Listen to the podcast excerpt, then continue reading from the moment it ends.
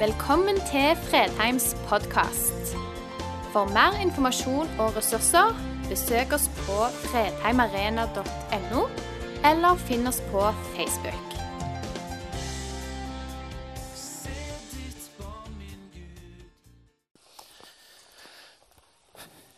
Jeg er litt spent i dag fordi jeg har tre ulike kilder til preken i dag.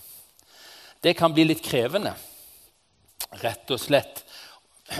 Den første kilden til denne preken den fant jeg på en eh, kompis sin Facebook-side. og Han sa det på denne måten. Før i tiden var det mange i Norge som hadde problemer med å få endene til å møtes. Nå har de problemer med å få møtene til å ende. Så jeg, når jeg har tre ulike sånne kilder i dag, så lurer jeg på om jeg får dette møtet til ende. Det andre er at jeg har googla forferdelig mye i dag. Altså ikke i dag, da, men i forberedelsen. Det vil Si, jo, litt i dag òg, i morges eh, tidlig. Så, så Google, altså Det er jo det som blir predikantene sin erstatning for Skriftene. Jeg har lest litt i Skriften òg. Eh, men den andre kilden er Google. Fordi der står det mye om ferie og fritid.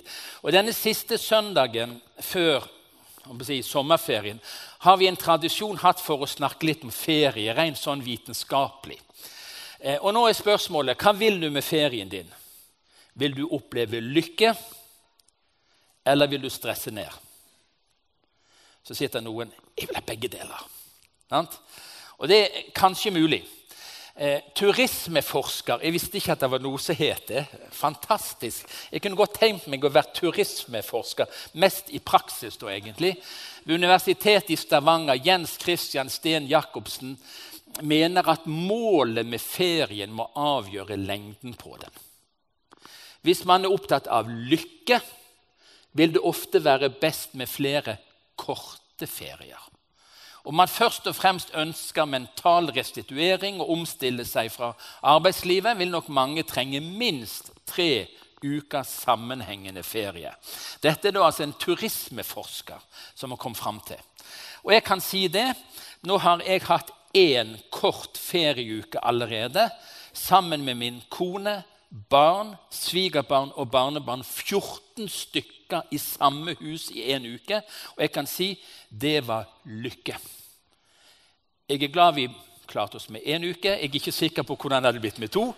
Men jeg kan understreke at jeg reiste hjem euforisk lykkelig etter én uke.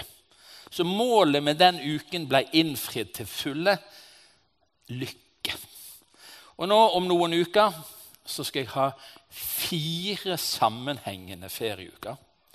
Og jeg regner med å komme igjen mentalt restituert. Kan du tenke deg noe bedre? En sommer hvor du opplever lykke og restituering. Ferie skjønner du, det er en god ting.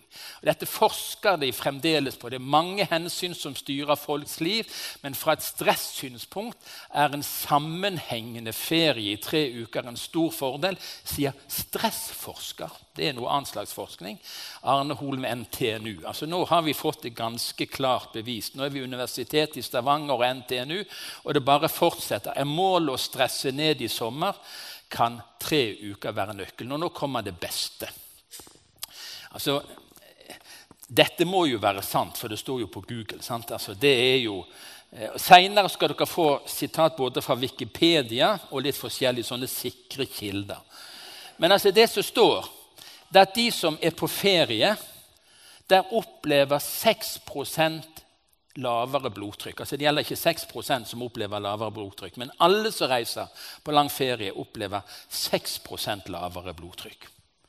Søvnkvaliteten ble 17% bedre. Så er det noen her som sliter med søvn, kan du velge forbønn eller en lang ferie. Begge deler er altså nyttig.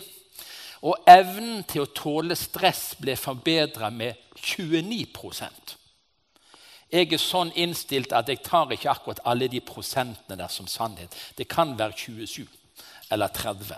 Men det er i alle fall bedre. De som ikke reiser på ferie, der øker blodtrykket Søvnkvaliteten reduseres, og evnen til å tåle stress ble 71 dårligere. De er ikke til å bo i hus med, spør du meg. Kan du tenke deg at den du bor sammen med, hvis du bor sammen med noen, blir 71 dårligere til å tåle stress? Jeg ser noen dunker i side.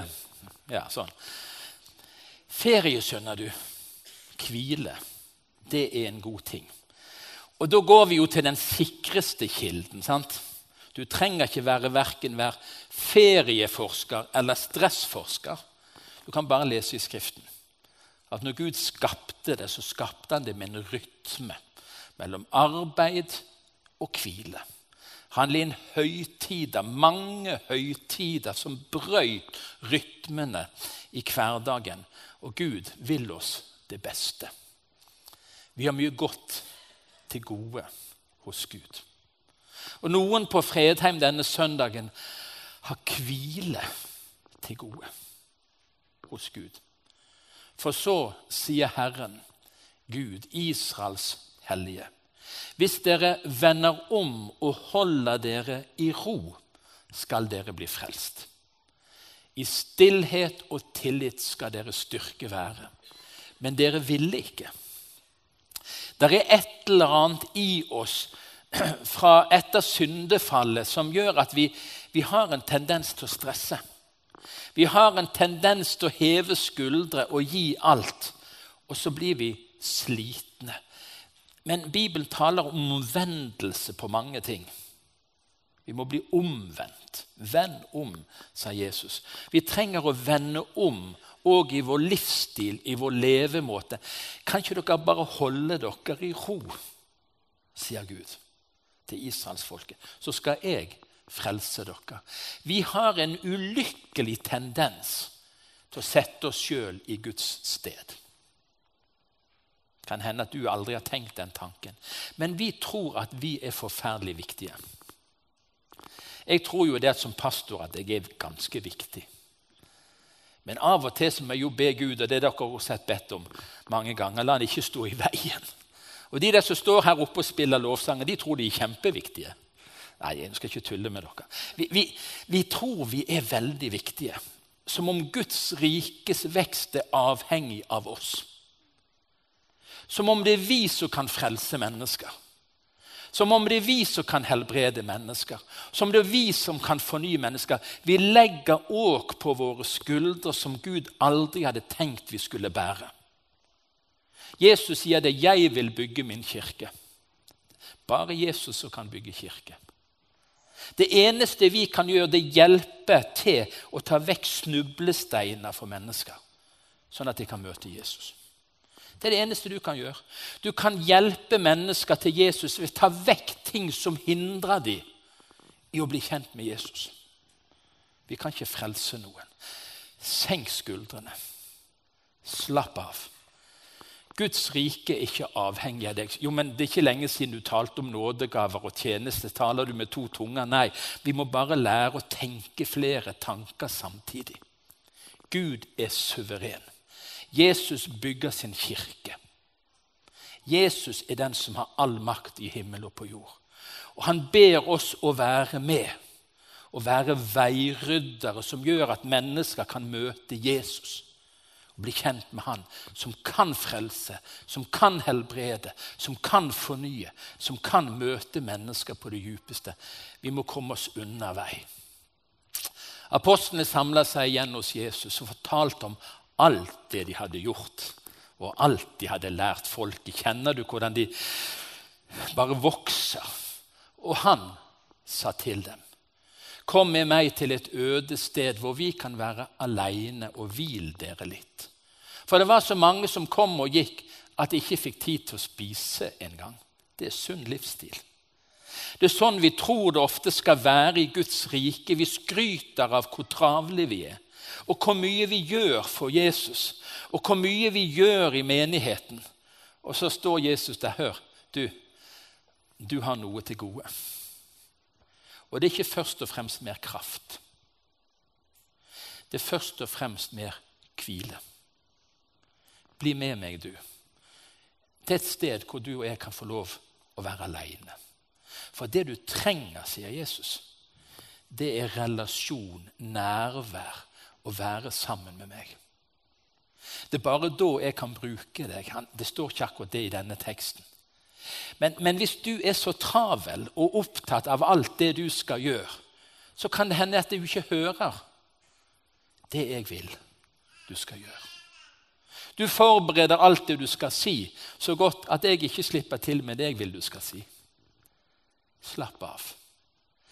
Mange her inne har hvile til gode hos Gud. Kom til meg, alle dere som strever og bærer tunge byrder, og jeg vil gi dere hvile.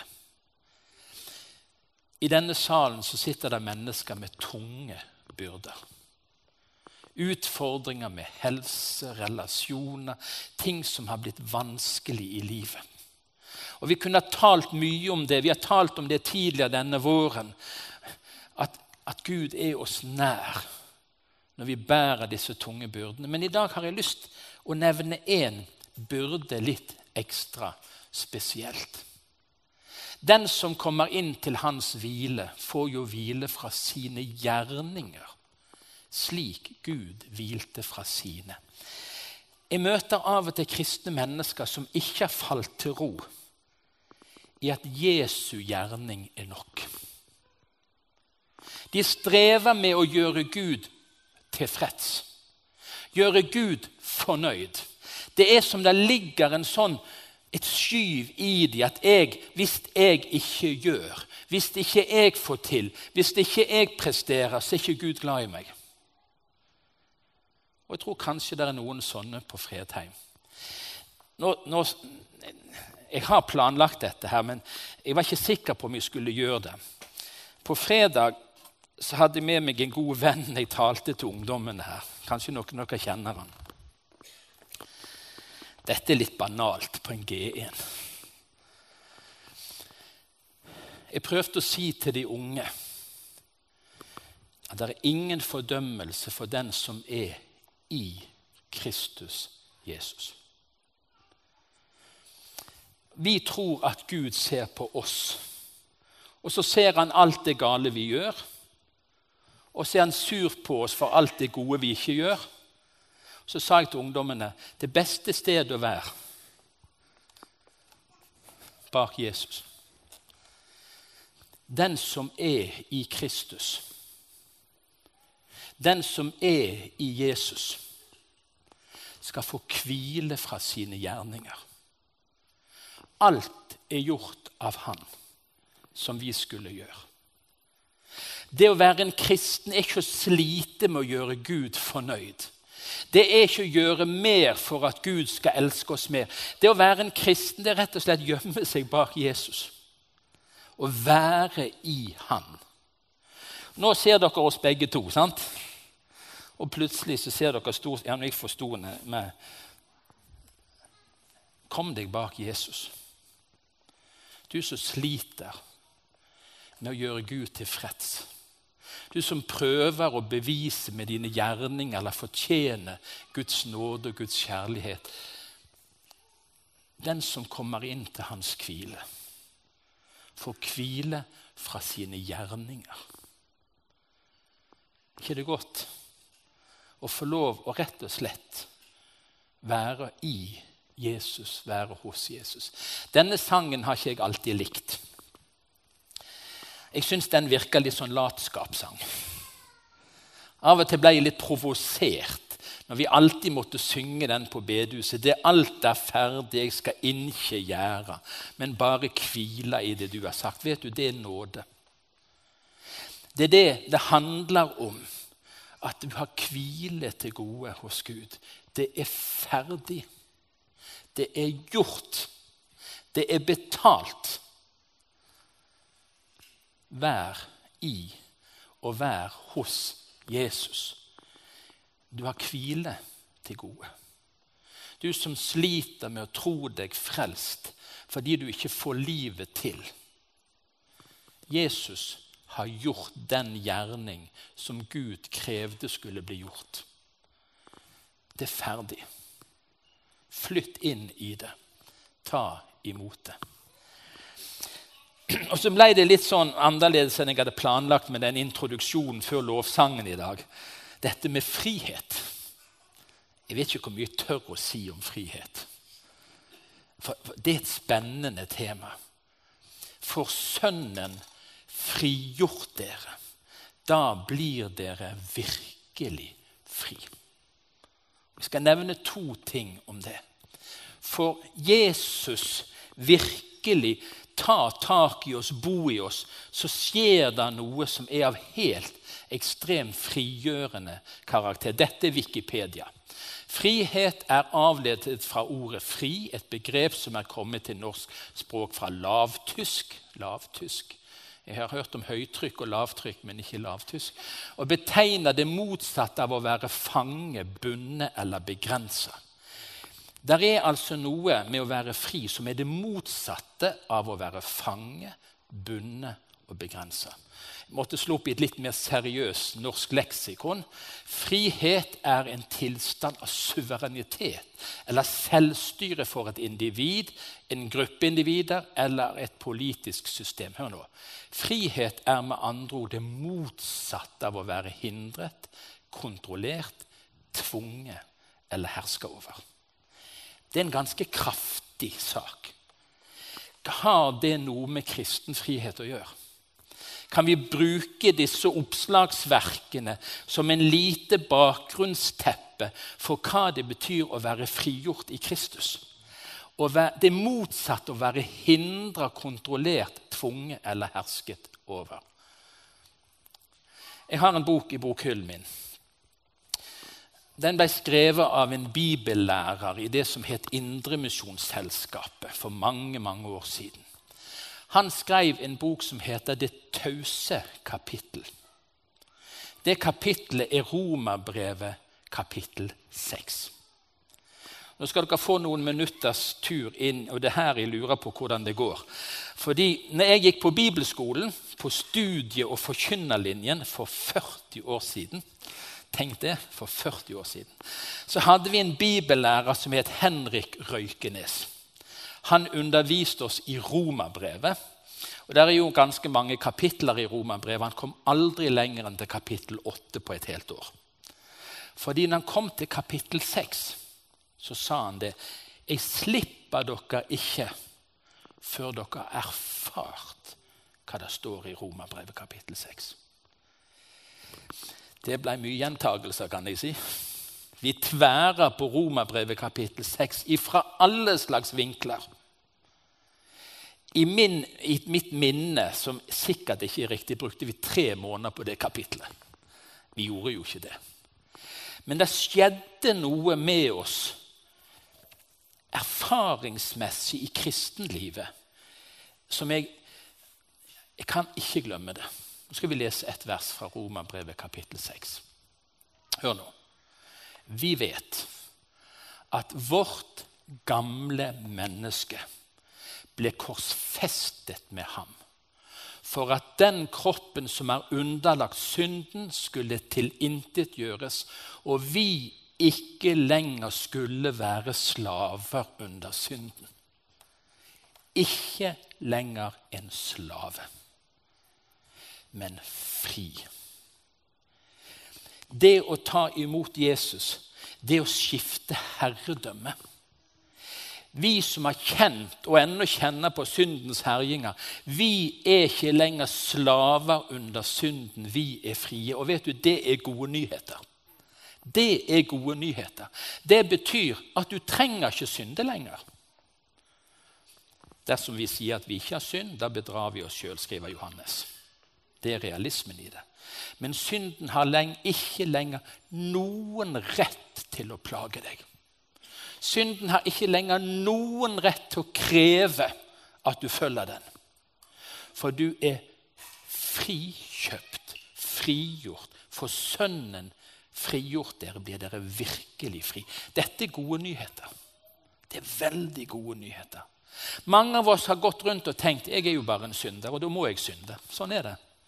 Jeg er blitt frelst, jeg er tilgitt, jeg har tatt imot Jesus, men jeg faller jo i synd. Og sånn må det være, fordi jeg er jo en synder. Og på en måte er det sant. Sier vi at vi ikke har synd, så bedrar vi oss sjøl, og sannheten er ikke i oss. Men det er like sant at vi ikke lenger er slaver under synden. Du er kjøpt fri. Og Det kan hjelpe oss i den konkrete kampen mot synd i våre liv. Vi lærte det på søndagsskolen, og noen av dere husker den sangen. Når fristeren kommer og banker på ditt hjerte, så spør han om han får komme inn. Da svarer du nei, det kan du ikke, for Jesus har alt kommet inn. Hva er det? Jesus har tatt bolig på tronen i vårt liv, i vårt hjerte. Vi er kjøpt fri fra syndens makt og herredømme. Vi er ikke lenger slaver under synden. Der er en frihet i evangeliet. Det siste om frihet, som kan være sårt for mange, det at mennesker har opplevd kristne miljø på en sånn måte at de er blitt bundet. Og jeg skryter av min oppvekst, for jeg hadde en oppvekst hvor jeg fikk lov til å gjøre mange ting som mange jeg hører vokste opp samtidig med jeg ikke fikk lov til. Så jeg opplevde på mange måter en frihet, men jeg kjenner at det er ting jeg er bundet i forhold til. I'm not free to dance. Det har jo med at jeg ikke har rytme, akkurat sånn, så det er jo helt menneskelig. Sant? Men det er et eller annet i meg som gjør at jeg kjenner på noen begrensninger i min kristne utfoldelse. Jeg liker bedre å ta hendene opp dertil enn der. Det er et eller annet som på en måte i kroppen min har vært med å forme min frihet eller mangel på frihet. Har du vært borti det?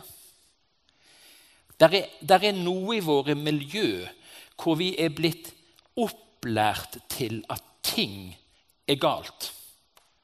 Ikke fordi det står i Bibelen at det er galt, men fordi i miljøet er det galt. Det er bare ikke sånn vi oppfører oss her. Det kan gå alt fra klesstil jeg husker på et bedehus en nyfrelst jente var framme og skulle åpne møtet en kveld, en søndagskveld. Så hadde hun langbukse på seg, og på vei ut kom en gammel dame. 'Skam deg, du burde hatt skjørt på deg når du åpner møtet.' Det er en god måte å møte en nyfrelst på. sant? Det legger jo et lass av ufrihet over et menneske. Og på ulike måter så kan den kulturen vi er vokst opp i, ha vært med å hindre oss i å leve ut et frigjort kristenliv. Paulus er radikal. Og jeg tror han er radikal fordi han har fått lov å møte Jesus og blitt satt fri. Og Paulus sier flere steder 'Jeg har lov til alt'. Hvor mange av dere tør innrømme det var det dere hørte på søndagsskolen, på yngreslaget, i Misjonsforeningen, på bedehuset der du vokste opp? Hvor mange kjenner det var det jeg hørte? Jeg har lov til alt. Ja, Det er ingen som har rekt opp hånden, så jeg regner med ok, du tør ikke, men ok. Altså, De fleste har hørt 'Vær forsiktig, lille barn, hvor du går', fot hvor du går. For Gud Fader over der, han ser ned på jorden her. Vær forsiktig. Vær forsiktig. Så kommer Paulus og så sier han, 'Jeg har lov til alt.' Og så sier han, 'Men ikke alt tjener til det gode'. ikke det nydelig sagt? ikke det er en frigjøring i det, ikke det er en befrielse i det. Det som tjener til det gode, er du fri til å gjøre. Alt som bygger opp, alt som er æreverdt, alt som er rein, skriver Paulus om. Legg vind på det. Alt som er sunt, alt som er sant, alt som er oppbyggelig. Du er fri til å leve ut det gode. Og så sier han, 'Jeg har lovt deg alt enda en gang til i samme verset.' 'Men jeg skal ikke la noe få makt over meg.' Dette er bånn realistisk undervisning.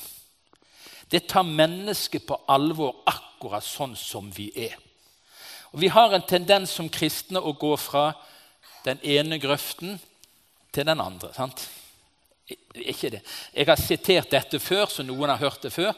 Når er en kristen midt på veien? Når han er på vei fra den ene grøften til den andre. Det er da vi er midt på veien, i bevegelsen fra det ene ytterpunktet til det andre. Det er jo ikke tvil om det at noe av den ufriheten som ble formidla, ikke var god. Og så kan en se at alt er lov. Alt er greit. Så blir det grenseløst. Og så sier Paulus det er ikke alt som tjener til det gode. Der er noen ting som kan ta makt over deg, og da er du ikke fri. Det er mange som har forlatt troen på Jesus i opposisjon mot miljø som var for stive og firkanta. Så endte de i det de trodde var frihet. Men hva ble det? Det ble bare tvang og bånd. Sterkere, mer krevende enn de båndene de noen gang opplevde på bedehuset eller i kirken. Jeg har lov til alt. Vet du, Jeg tror noen av oss har litt frihet til gode. Tror det kan gjelde deg. Skal vi åpne litt i Skriften, skulle vi ha lest noen bibelvers. Salme 150, f.eks. Noen går hjem og leser Salme 150. Og Så trekker du for gardinene og så praktiserer du det alene. Sant? Så ikke naboen ser deg.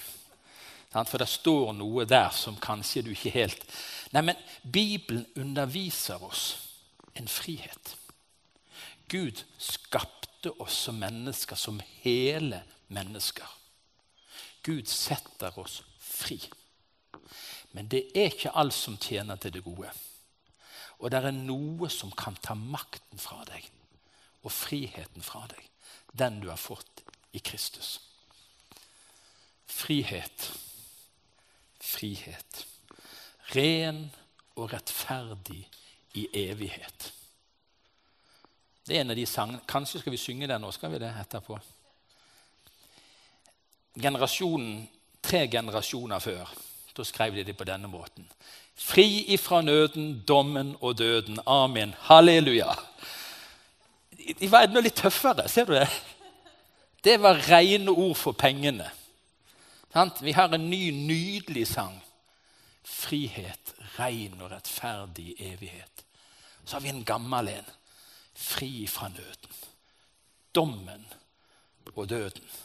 Og Så kommer de med et amen. Halleluja. For det, det er sånn indremisjonsk halleluja. Sånn halleluja. Vi må si det på rett måte. Men, men det ligger noe i denne friheten for den som har møtt Jesus. Og jeg tror på Fredheim i dag er det noen som trenger å bevege seg inn i friheten sitt rom. Du har vært begrensa lenge nok. Du har vært bundet lenge nok. Synden har fått herje lenge nok. Du er ikke lenger slave under synden. Du er fri i Kristus. Du er ikke lenger slave, trenger ikke være slave under en oppdragelse som har bundet deg og hindra deg å leve ut den friheten du har i Kristus. Du har lov til alt. Du har lov til å si halleluja. Du har lov til å vise det, at du er elska, du er verdifull å se et lite barn komme springende imot deg og hoppe opp i fanget ditt i ren lovprisning og tilbedelse, i glede og trygghet. Det er mitt bilde av å være en kristen. Springe fritt og hoppe opp i fars armer i full frihet og tilbedelse.